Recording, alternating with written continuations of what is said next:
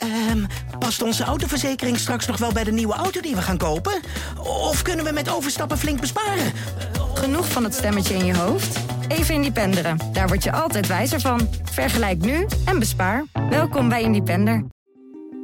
Er is een brute, laffe misdaad gepleegd. Geweld moet stoppen, ja, sowieso. Het Openbaar Ministerie eist forse zelfstraffen tegen de verdachten in het Marengo-proces. Tiende keer in een maand tijd was het vannacht raak. Een explosie in de stad. Meer dan 2 miljard euro aan harddrugs werd vorig jaar door justitie onderschept. Een verdubbeling met het jaar ervoor. Welkom bij de Parool Misdaad Podcast. In deze podcast praten misdaadjournalisten Wouter Laumans en Paul Vugts je elke twee weken bij over grote en kleine misdaadzaken. Nieuwe afleveringen zijn eerst een week exclusief te beluisteren op parool.nl en in onze app. En een week later verschijnen ze in andere podcast-apps zoals Spotify. We gaan het vandaag hebben over nou ja, het onderwerp van de afgelopen dagen, Ines Wesky. De advocaat van Ridouan Taghi is aangehouden op verdenking van lidmaatschap van de criminele organisatie van haar cliënt, die zich bezighoudt met internationale drugshandel en witwassen. Paul, uh, ik neem aan voor alle misdaadjournalisten en mensen die uh, goed de rechtszaken volgen, een enorme schok ook dat Wesky is gearresteerd.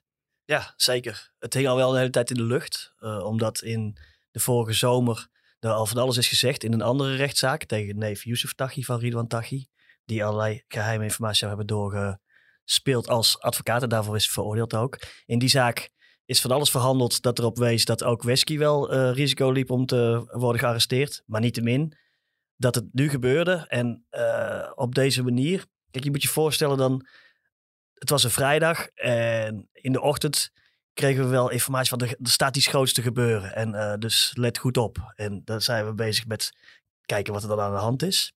Uh, wij legden eerlijk gezegd niet onmiddellijk de link nog uh, mm -hmm. naar... hey, deze week is de zaak Marengo zover afgerond uh, voor Wesky...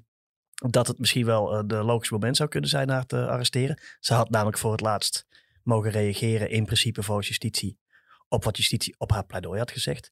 Um, maar ja, dan uiteindelijk als dan, dan rondkomt dat het, dat het Ines Wesky is die gearresteerd is... dan is dat wel een hele heftige klapper, omdat A, je moet journalistiek vol aan de bak. Mm -hmm. We moeten zo snel mogelijk berichten, zo goed mogelijk berichten en als het kan doorvrocht. Uh, en B, ja, we kennen haar persoonlijk. Nu komt het wel vaker voor in ons, uh, uh, in ons gebied van, het, van de verslaggeving dat er iets heftigs gebeurt met mensen die we goed kennen. bijvoorbeeld, het kan zijn dat een crimineel wordt geliquideerd, ik noem maar wat. Of in het mm -hmm. verleden zijn er natuurlijk rond Marengo verschrikkelijke zaken gebeurd. De moord op Peter R. de Vries, de moord op de broer van de kroongetuige, de moord op advocaat Dirk Wiersen van de kroongetuige. Maar dit is wel weer echt een dieptepunt in Marengo, waarin al zoveel ellende is gebeurd. Het proces dat echt gedrocht is. Uh, nou ja, dat, dat weer uh, deze nieuwe ellende voor Ines Wesky heeft opgeleverd. Hoe je het ook weet of verkeerd, we gaan het er verder over hebben, is dit nu begrijpelijk en terecht. Maar het is wel echt heftig. Ja, uh, Wouter, jij Um, kent Wesky natuurlijk ook. En jullie zeiden, het, het hing al in de lucht. Maar neem ons even mee naar dat moment dat het in de lucht hing. Want toen is het eigenlijk niet gebeurd. Nee, dat was eigenlijk afgelopen zomer. Uh, en je had de strafzaak uh, Mandel. En dat is de strafzaak die draait om Youssef Taghi, de advocatenneef van Ridwan Taghi, die op bezoek ging bij hem in de EBI en zou uh, gefungeerd heeft. Want inmiddels is het vastgesteld als een soort doorgeefluik van, van Ridwan Taghi. En ja, dat in dienst gedaan heeft van dienst criminele organisatie. Um, in, die, in die zaak um, was er aanvankelijk een soort roze olifant in de Kamer. Zo werd het ook genoemd. Uh, er waren twee advocaten, uh, officier van justitie. En die draaiden om een soort om een gegeven heen in die zaak. Namelijk dat er mogelijk al eerder dus voordat Youssef Taghi toegang kreeg tot de EBI, dat er toen ook al informatie naar buiten was gekomen. Ja, want toen zat uh, Ridwan Taghi al een paar maanden vast ja. in de EBI. Ja, en, en dat kon Youssef Taghi gewoon niet gedaan hebben, want die had toen nog geen toegang tot Ridwan Taghi. En dat, dat, daar werd aanvankelijk een beetje omheen gedanst. Toen heeft de rechtbankvoorzitter gezegd van nou ja, uh, dat was eigenlijk het eerste bommetje dat afging in die zaak van ja, we weten toch allemaal dat, dat, dat, er, dat dit onderzoek is gestart met informatie dat Ines Wesky uh, mogelijk zou hebben gefungeerd als doorgeefluik van, van uh, Ridwan Taghi. En toen Nou ja, toen is er een advocatengewissel geweest aan de zijde van, van Youssef Taghi. Toen kwam er een nieuwe advocaat. En die, die, die, ja, die vertelde dat eigenlijk nog een keer. Die zei, nou ja, uh, in dit uh, dossier zijn volop aanwijzingen... dat uh, Ino, Ines Wesky informatie heeft doorgegeven vanuit de EBI.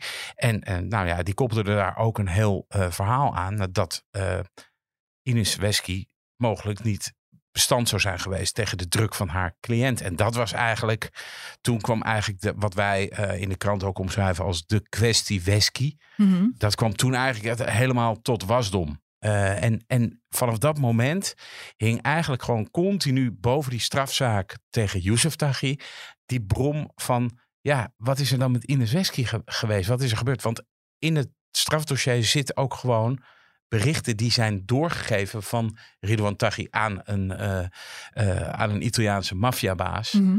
Waarin gepraat wordt over geld en over drugshandel en over van alles en nog wat.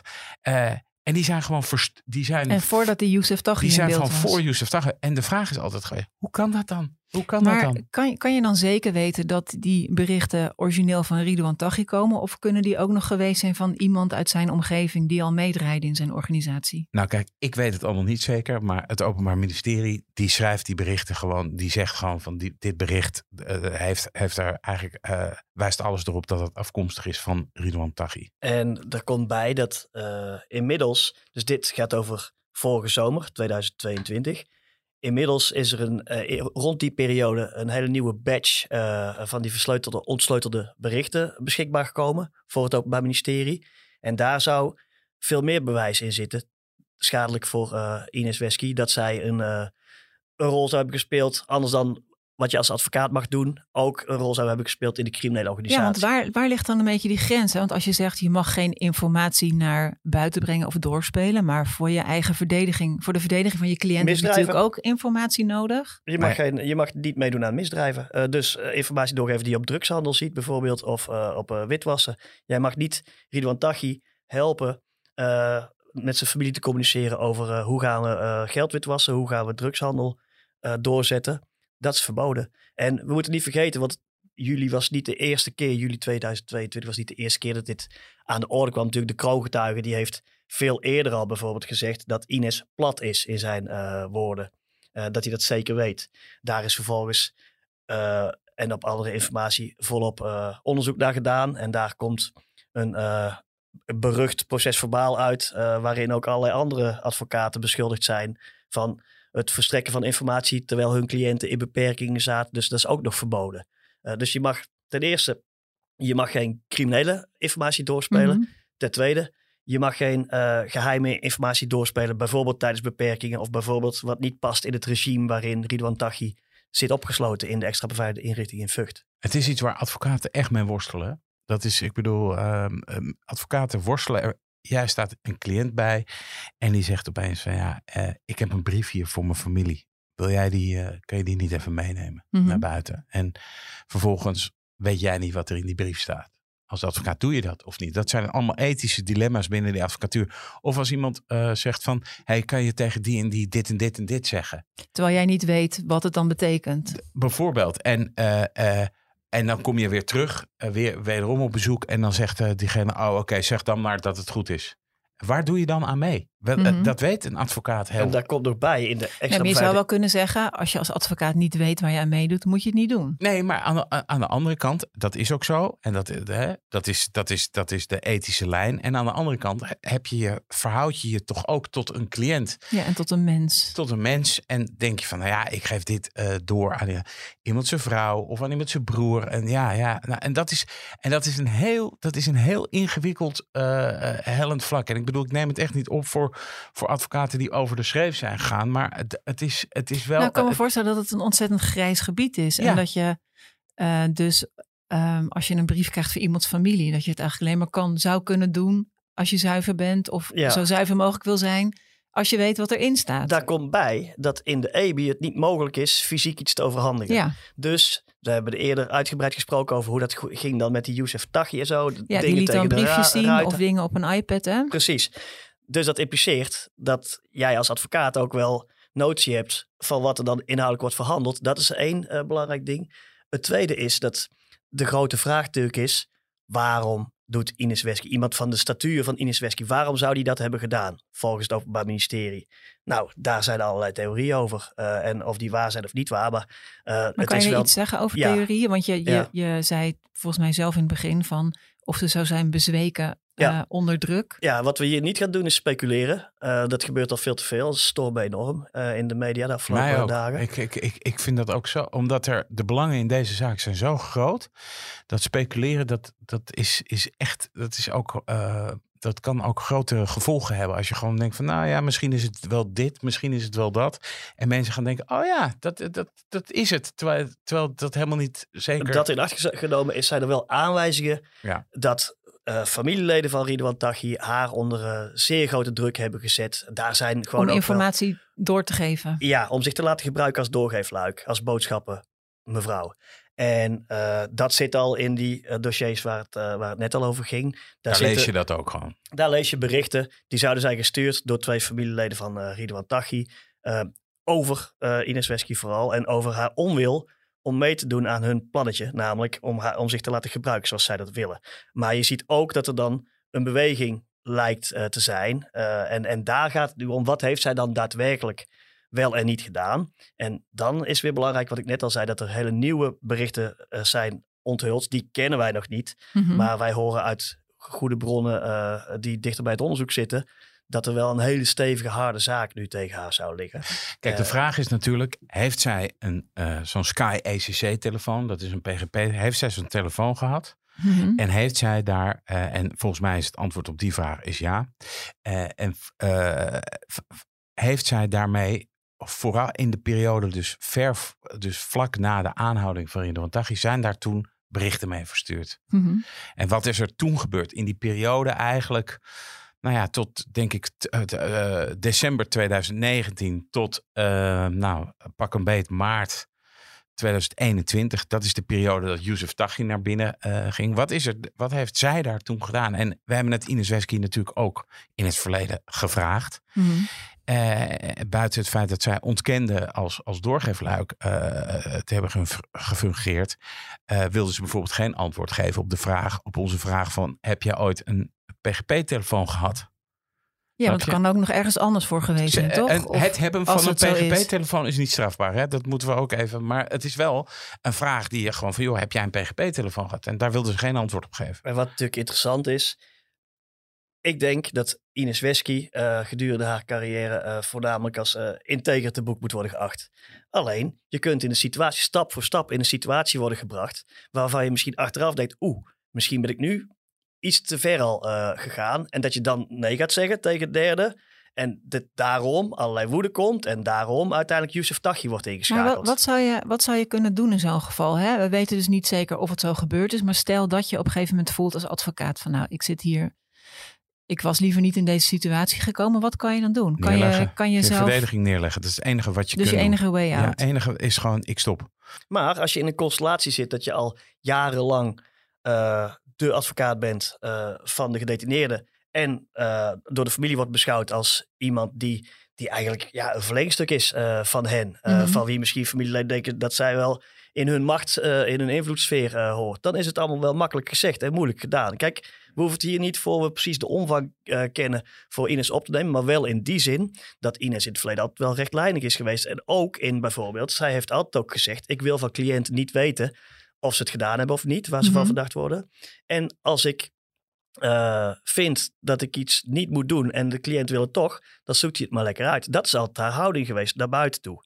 En daar kan natuurlijk, wij kunnen nu nog niet zien eh, hoe dat precies, eh, wat er dan precies wel onder de streep zou zijn gedaan door haar. Dus daar moeten we gewoon voorzichtig bij zijn. Wat we nu weten bij opname van dit, deze podcast, dat de onderzoeksrechter in elk geval heeft besloten dat ze nog langer in de cel moet blijven. Dus die onderzoeksrechter heeft niet gezegd, dit is een flutzaak. Ja, Wouter, jij wou iets zeggen. Nou ja, eh, kijk, je moet, je moet ook niet vergeten dat op het moment dat Ridwan Taghi wordt aangehouden eh, eh, in Dubai, dat is dus december 2019, gaan de panelen schuiven. Hè? Was zij toen al eigenlijk zo'n advocaat? Ja, zij, zij is voor wat wij kunnen terughalen, zo vanaf medio 2016 en misschien nog wel eerder zijn Mhm. advocaat geweest. Maar zij heeft hem ook bijgestaan in eh, procedures, onder andere tegen bijvoorbeeld Martin Kok. Hè? Dat, is- daar, daar, daar stond ze in. De misdaadblogger die uiteindelijk vermoord Ja. is. Ja, Eh, Dus ze eh, kennen elkaar al langer dan sinds die nou, kijk- arrestatie. kijk, en ah, het is, er is natuurlijk wel iets voor te zeggen dat je dus, ah, ah, terwijl Ridwan Taghi eh, nog op vrije voeten was, dat er een manier is gevonden om met hem te communiceren over verdenkingen in Marengo of eh, over eh, lopende zaken. Daar is toch wel wat voor te zeggen. Dat is, ehm, in alle grote zaken is dat zo. Ik bedoel, als ik even een parallel mag trekken. We hebben lang de bekende Amsterdamse crimineel Dino Sorel gehad. Die langdurig op de vlucht was en ondergedoken zat. Uiteindelijk bleek die ondergedoken te zitten. Gewoon aan de Rozengracht in een of andere studentenfletje. Bij hem is een, in een pot completa een stick met een heel groot deel van het dossier eh, Mhm. eh, gevonden. Ja, mensen proberen alvast inzage te krijgen in wat ze. eh, Wat ligt er tegen mij? Ja, en de, de- dat je overleg hebt met je Maar op het moment dat dus Ridwan Taghi in Dubai wordt opgepakt, overgebracht naar Nederland, hier in de EBI gestopt. Ja, dan, dan kan eigenlijk vanaf dat moment helemaal niemand meer met hem communiceren. Nee, behalve de advocaat. Behalve zijn advocaat. En i- daar, daar, daar zit, op dat moment zit ook het snijpen. En is ze onder druk gezet? Ik weet het niet, maar je ziet wel dat ze onder druk heeft gestaan. Ja, Dat reist uit die dossiers. En wat nu heel belangrijk is ook de vraag: hoezeer kan zij zich verdedigen? Ja, dat vraag ik me ook af. Want ze heeft natuurlijk twee belangen. Zichzelf en haar cliënt. Ja, en zij mag in principe niet spreken over het contact dat ze met haar cliënt heeft eh, gehad. Dan heb je het grijze gebied. Wat mag ze zeggen over het contact dat ze met naasten van die cliënt eh, eh, heeft gehad? Dat is één. Ten tweede, ja, kun je in dit hele feitencomplex, in dit Marengo, waar er al zoveel verschrikkingen zijn gebeurd, voel je je überhaupt vrij om te praten? Maar goed, daar komen we op het pad van de speculatie, dus daar wil ik eigenlijk niet heen. Maar er zijn wel allerlei redenen om te denken dat zij niet ten volle zomaar even alles kan inbrengen wat zij eh, wil. Dan hou ik het heel oppervlakkig nog. En dat, die verdediging van haar, dat wordt, dat wordt echt wel moeilijk. Ja, en de vraag is natuurlijk, hoe, hoe ga je dat doen? Ga je zeggen van, nou ja, eh, wat wordt een verdedigingslijn? Kijk, een verdedigingslijn kan zijn, ik ben onder druk gezet. Is dat een verzachtende omstandigheid? Nou, Met iemand van haar statuur is het wel moeilijk hoor. Nou ja, en dan moet je die kaart kunnen uitspelen. hè. Als het al zo zou zijn, hè, Mhm. dan, dan moet jij dus, zou je dat moeten zeggen. Ik ben onder druk gezet. Maar, mensen dan? maar als je onder druk bent gezet, onderdeel van onder druk staan, is dat je niet kunt zeggen dat je onder druk staat. We hebben eerder in allerlei eh, andere eh, strafzaken. Nou ja, een wel soort kroongetuige heeft dat toch ook? Die staat ook onder druk. en die kiest aan een ander pad. Ja, maar die speelt, die speelt wel eh, een andere rol. Zeker. En die kroongetuige is ook een crimineel. En dat is Ines Wesky echt niet. Nee. Althans, we gaan kijken wat er in het dossier zit. Maar zo, is zij niet, zo staat zij niet in het leven. Dat, eh, dat durf ik hier wel te eh, zeggen. Er zijn dingen gebeurd met een bepaalde achtergrond. Maar een kroongetuige, want anders krijgen we een beetje een raar beeld. Een kroongetuige is gewoon een keiharde crimineel die uiteindelijk eieren voor zijn geld kiest. Ja. En eh, overloopt naar justitie.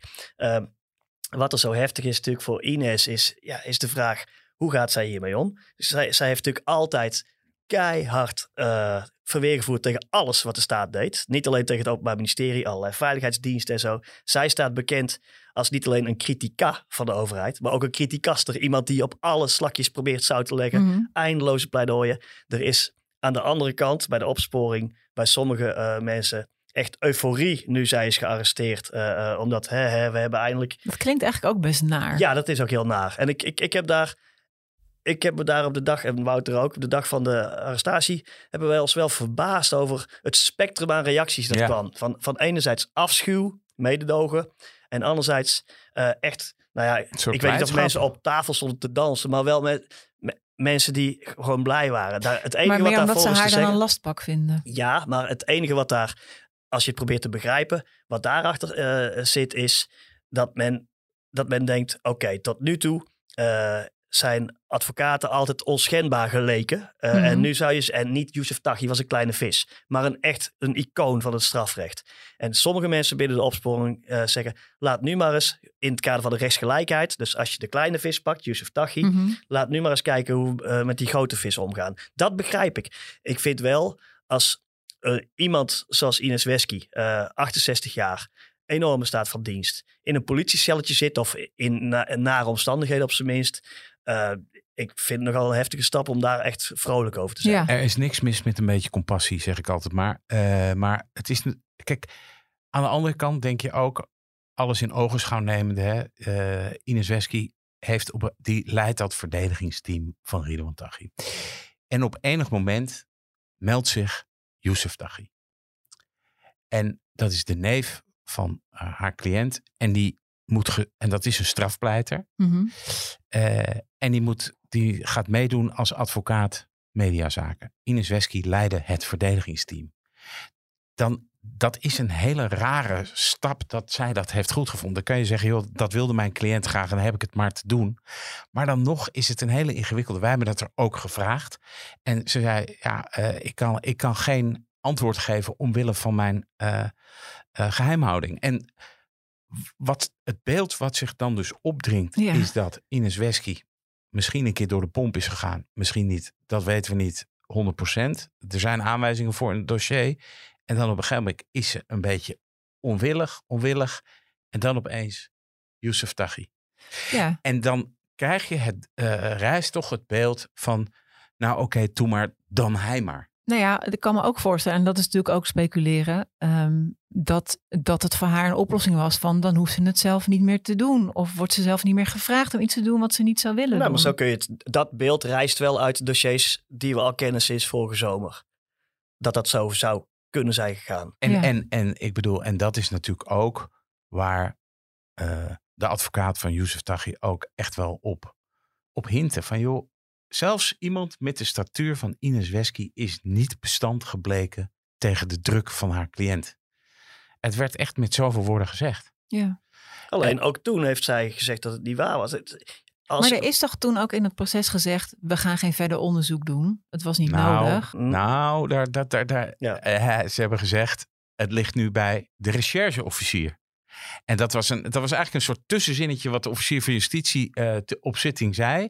En, dat we, eh, en toen zag ik ook, eh, jij, was jij zat er ook, toen zag ik iedereen de oren spitsen van, ho, wacht even. Ja, voor de meer ingewijden betekent dat. er wordt wel onderzoek gedaan, mogelijk. Maar dat parallel onderzoek, dat komt niet in deze zaak. Dat gaan we niet in deze zaak doen. Met andere woorden, er loopt gewoon een onderzoek. Ja. En En- eigenlijk was het vanaf dat moment gewoon wachten. Ja, Maar ik en, hoor- en mag ik nog even dit toevoegen even? Want da- dan komt dus in die periode ook die hele nieuwe eh, eh, stapel PGP-berichten, versleutelde PGP-berichten. En wij laten ons vertellen door echt mensen die het weten kunnen, dat vanaf toen in het diepste geheim een apart team eh, tot aan de arrestatie van Ines en natuurlijk nu nog onderzoek heeft gedaan naar die berichten. En daar volgens bronnen een keiharde zaak uit heeft gefilterd. Dus dat loopt dan parallel aan de zaak Mhm. Ja, en, en je moet natuurlijk ook wel eh, bedenken, want wij worden ook gek gebeld door mensen uit de advocatuur. Mensen, nou ja, goed, we worden sowieso nu al een paar dagen helemaal gek gebeld.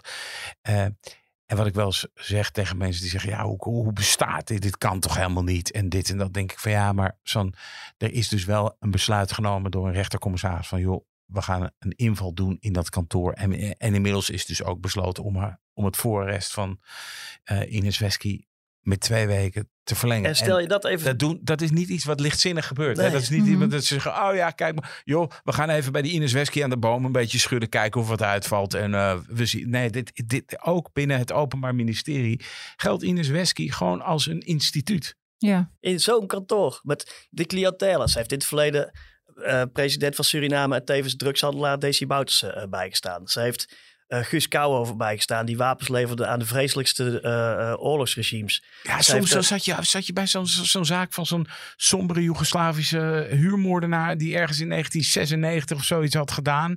En dan heb Ines Wesky stond er. En dan zie ik voor me dat nu de politie binnentreedt in dat kantoor. Ja. En daar staan al die dossierkasten. Oh. Ja. En daar staat Danny K., nou vol F, allemaal waar Wouter en ik onze vingers blauw over eh, typen. En uiteraard, want dat Mogen zij daar allemaal in kijken? Nee, dat is met allerlei waarborgen op- opgekleed. Er is Er natuurlijk de onderzoeksrechter is erbij. De deken van de orde van, van advocaten is erbij. En ik mag aannemen en hopen eh, dat ook de opsporingsdiensten wel voorzichtig zijn. In die zin, ze willen natuurlijk niet dat deze zaak nu kapot gaat zometeen. Doordat zij eh, technisch allerlei juridisch eh faux pas eh, begaan. Dus Ja. Ja, het Nee, is maar niet dat- zo dat ze daar alle de archiefkasten omkeren en kijken. Goh, wat, wat, wat zal. Hé, hey, moet je nou eens kijken. Maar we hebben hier überhaupt, over deze nog over- wat. eh, ja. wat- Nou zo werkt het niet. Maar überhaupt dat een onderzoeksteam in dit specifieke kantoor, een van de kantoren met, van statuur in, in Nederland, dat die daar gewoon aan het grasduinen zijn. En bij Ines Wesky thuis. Dat is echt wel even wat anders dan bij Youssef Taghi, die, die bagatelzaken deed eh, tot deze En, en, en ik vraag me wel af, eh eh Corrie, overleeft dit kantoor dit? En Ik heb daar echt wel grote twijfels bij. Oh, dit is, dit is zo'n klap voor zo'n... eh, zij, Ines Wesky is eigenlijk de verpersoonlijking eh, van dat kantoor. Maar ik kan me ook voorstellen dat heel veel cliënten nu denken van... ik, ik moet wel wegwezen daar. Ja, Hè, en de- de- dus in die zin is zo'n inval, dat is, dat is uitermate pijnlijk voor iedereen die daar werkt. Uitermate pijnlijk voor, voor, voor Ines Wesky zelf. Maar ook de, de, elke keer als je erover nadenkt, kom je lijkt wel op een soort diepere laag dat je denkt, jezus, weet je, wat, wat, wat, gaat dit, wat heeft dit voor gevolgen voor haar kantoor? Maar ook bijvoorbeeld voor gevolgen voor de advocatuur. Wat, je hoort nu al, eh, is er, zijn er al eh, eh, politici die vol op het orgel gaan over dat, dat, er, de, dat er in de EBI mensen in de spreekkamer met twee advocaten tegelijk en dat soort, dat, daar Ja, wordt over nagedacht in Den Haag. wordt. En dat is natuurlijk binnen dat zich, men zich daar binnen de advocatuur zorgen over maakt. Dat snap ik ook. Aan de andere kant is het natuurlijk ook volkomen logisch dat vanuit de staat dat je een keer zegt, we trekken hier wel een Ja. keer een streep. Snap je? En dat, is, dat maakt en dit... dat werd natuurlijk na, eh, na die arrestatie van Youssef Taghi ook al gezegd. Van het moet nog strenger, de communicatie. Nou ja, eh, kijk, en je kunt dat ook nog betogen in het belang van advocaten. Om te zorgen dat advocaten niet in een Klem komen. klem komen te zitten. Dat je zorgt, oh je mag alleen met z'n tweeën naar binnen. Alleen, dat hebben we ook weer vaker in deze podcast besproken. Het is eigenlijk nooit een goed idee om op één zaak of één incident een heel beleid te, te ja, enten. want Dit Marengo gewoon is, iets in alle extremen. Buiten hè? categorie. Ja. Helaas, buiten categorie. Ik had nog even een vraag die eh, opkwam. ehm, want het ging een beetje over het moment van haar arrestatie. Want ik hoorde in een talkshow, eh, nou daar hoor je natuurlijk heel veel dingen. Maar er waren ook heel veel mensen die hier iets over vonden. Als ze iets strafbaars heeft gedaan, waarom werd ze dan niet twee maanden geleden gearresteerd? Dat is heel simpel. eh, omdat de zaak van Ridwan Taghi in Marengo nog liep. En nu heeft het Openbaar Ministerie gewacht tot in elk geval in de visie van het Openbaar Ministerie dit proces inhoudelijk is afgerond. Namelijk na haar dupliek. Dupliek is woensdag geweest en dat, is, dat zij nog één keer mag reageren op wat het Openbaar Ministerie heeft gesteld. Ja, Daarna zou Ridwan Taghi eigenlijk het laatste woord hebben op vrijdag. Hij heeft daarvan afgezien, omdat Ines eh Wesky en Ridwan Taghi nog allerlei andere onderzoek eh, wilden en zo. En er staan nog zittingen gepland. Maar, het Maar- Openbaar Ministerie denkt, we hebben nu ver genoeg af dat Ridwan Taghi niet in zijn verdediging is geschaad door deze ingreep. En nu kunnen we dan deze zaak. maar ja, nu heeft Klappen. hij nog steeds geen advocaat. En je zou zeggen van, eh, ook voor het vervolg moet er nog wel een advocaat zijn voor hem. Dat is een hele goede vraag. Maar ik wil toch nog heel even daar Ja. iets op aanvullen. Want wat, wat daar natuurlijk wel bij speelt. Hè, dat je zegt, oké, we gaan wachten tot, tot het geen gevolgen meer heeft voor de strafzaak. Daar kan ik me wel iets bij voorstellen. Maar Ines Wesky, eh, en dat is eh, gisteren bepaald, die blijft vastzitten in beperkingen. En dat is op zich best wel. Hè, ze, ze mag dus behalve met haar advocaat niet met de buitenwereld contact hebben. Dus ook niet met familie, met af- niemand. Nee, maar, en ik vraag me af waarom. Want dat was bij Youssef Taghi niet het geval. Daar golden geen beperkingen. Dat, en dat is, dat is raar. Eh, dat je denkt van, hè, en, en dan kun je ook, dan, dan ga je ook gelijk de specula, eh, speculatiekant op. Van waar, waarom is dat dan? Maar ik, ik kan daar niet echt. eh, heb je, je hebt Normaal gesproken is het natuurlijk om te zorgen dat ze het onderzoek niet kan verstoren. Mhm. maar ja, dat had bij Youssef Taghi ook kunnen, kunnen gelden. Het zijn, het zijn, kijk, voor zover ik nu kan nagaan, zijn het oude berichten. Het zijn geen berichten van gisteren. Die ergens uitgeprint liggen Logischerwijs zijn het berichten tot aan Youssef Taghi in Ja. eh, 2021 toegang kreeg tot de EBI. Want Maar dat- toen kon hij het gaan doen. Ja, maar dat weten we niet 100% zeker. Maar dat is ongeveer. eh, hè? Dus, het zijn- maar waarom, waarom is er dan nu zo'n acuut. wa- waarom is dit zo acuut?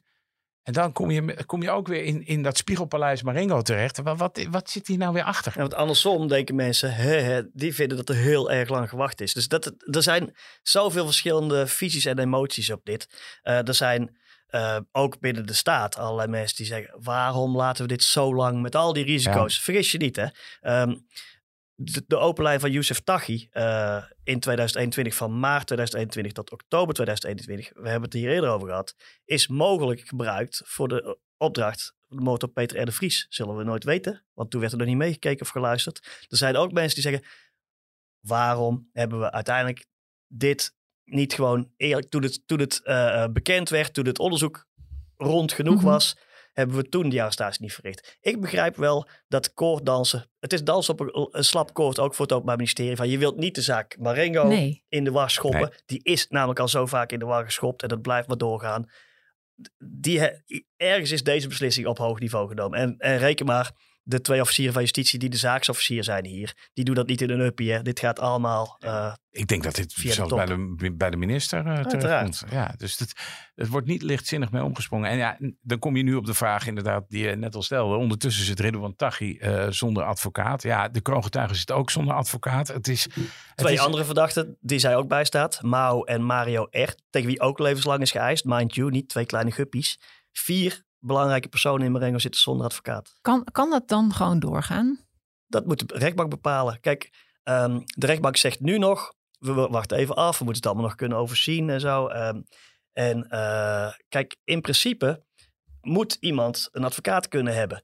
De kroongetuige heeft zelf gezegd, maak het maar af zonder mij. Uh, zonder advocaat. Want uh, het is allemaal wel inhoudelijk gedaan. Mhm. Mm -hmm. Wat Ridwan Taghi hierop te zeggen heeft, weten we nog niet. Um, en wat die andere twee verdachten uh, te zeggen hebben, weet ik ook niet. Kijk, Ridwan Taghi heeft vanaf het begin gezegd... geef hem daar maar levenslang. Uh, ik hoef dit proces niet. Want jullie gaan toch niet eerlijk zijn tegen de Ja, maar goed, dat zegt hij natuurlijk uh, in de rechtbank... en misschien niet tegen zijn advocaat. Du moment dat hij zou zeggen... ik wil toch een advocaat... Uh, nou ja, dan spelen we weer een nieuwe wedstrijd. Dat weten we gewoon allemaal nog niet. Ik heb wel begrepen dat er officieus al een soort lijstjes gemaakt worden. Kijk, uh, de rechtbank kan ook een advocaat toewijzen. Kijk, ik kan me er iets bij voorstellen dat je niet zo'n trek hebt om in dit, uh, zoals wij en anderen het inmiddels noemen, Circus Marengo te stappen. Kijk, je moet even goed begrijpen.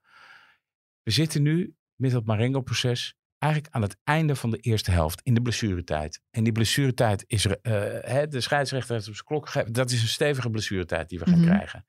Maar als je alles in ogenschouw nemend, hè, dan ga je kijken en dan denk je, wauw, wat is hier toch allemaal gebeurd in deze zaak? We hebben uh, uh, Dirk Wiersum doodgeschoten. Peter R. de Vries doodgeschoten.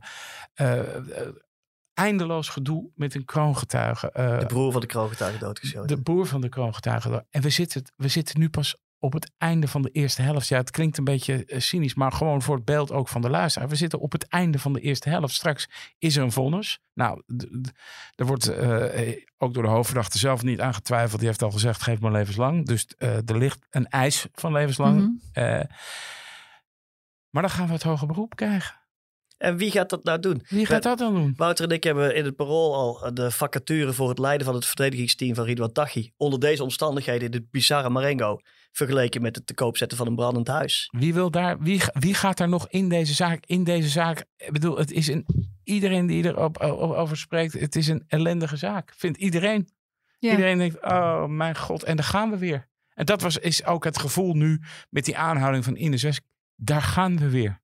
Ja, en ik kan me voorstellen dat het uit de kant van de advocatuur nu nog erger is. Van, nou, ik zeg het onhandig, van dat je nu nog niet wil instappen als Ines Wesky nu ook uh, vastzit. Nee, ja. Dat is toch een schrikbeeld. Nou ja, goed. En dan wordt er straks iemand toegewezen. Nou, stel, stel jouw nummertje komt op. En ja, ja. dan moet je gaan. ik ben er even. Mij niet bellen. Ik ben er even niet. nou ja, er is een advocaat vermoord. Er is een advocaat veroordeeld. Er is een advocaat gearresteerd. Uh, er is verschrikkelijk veel druk gezet op andere advocaten. Al dan niet terecht, hebben we het hier verder niet over. Omdat die ook uh, dingen zouden hebben doorgespeeld. Er zijn advocaten gevolgd tot in, in opdracht van de staat tot in Dubai. Levensgevaarlijk. Um, dit proces is, is zo bizar dat... Uh, Wouter, ik heb er ook al lang geen zin meer in. Maar goed, wij doen maar door omdat we eraan begonnen zijn. Maar wie heeft zin om in te stappen? Ik Wij weet... zitten achter in de bus met een zakje winegums. Ik weet niet. Ik hoop dat mensen nog wel zin hebben om uh, naar ons te luisteren in elk geval. Want we gaan het natuurlijk allemaal volgen op ja. de voet. Dat was het weer voor deze aflevering. Vragen en opmerkingen kunnen gemaild worden naar misdaad.parool.nl.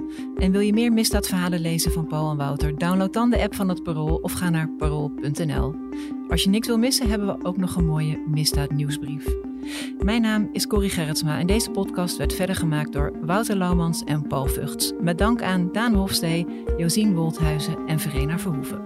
Dank voor het luisteren en graag tot over twee weken.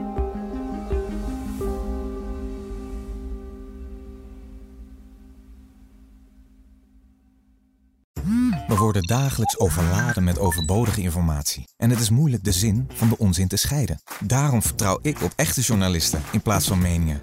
Een krantenmens heeft het gemakkelijk. Word ook een krantenmens en lees je favoriete krant nu tot al zes weken gratis. Ga snel naar krant.nl. Bezorging stopt automatisch en op deze actie zijn actievoorwaarden van toepassing.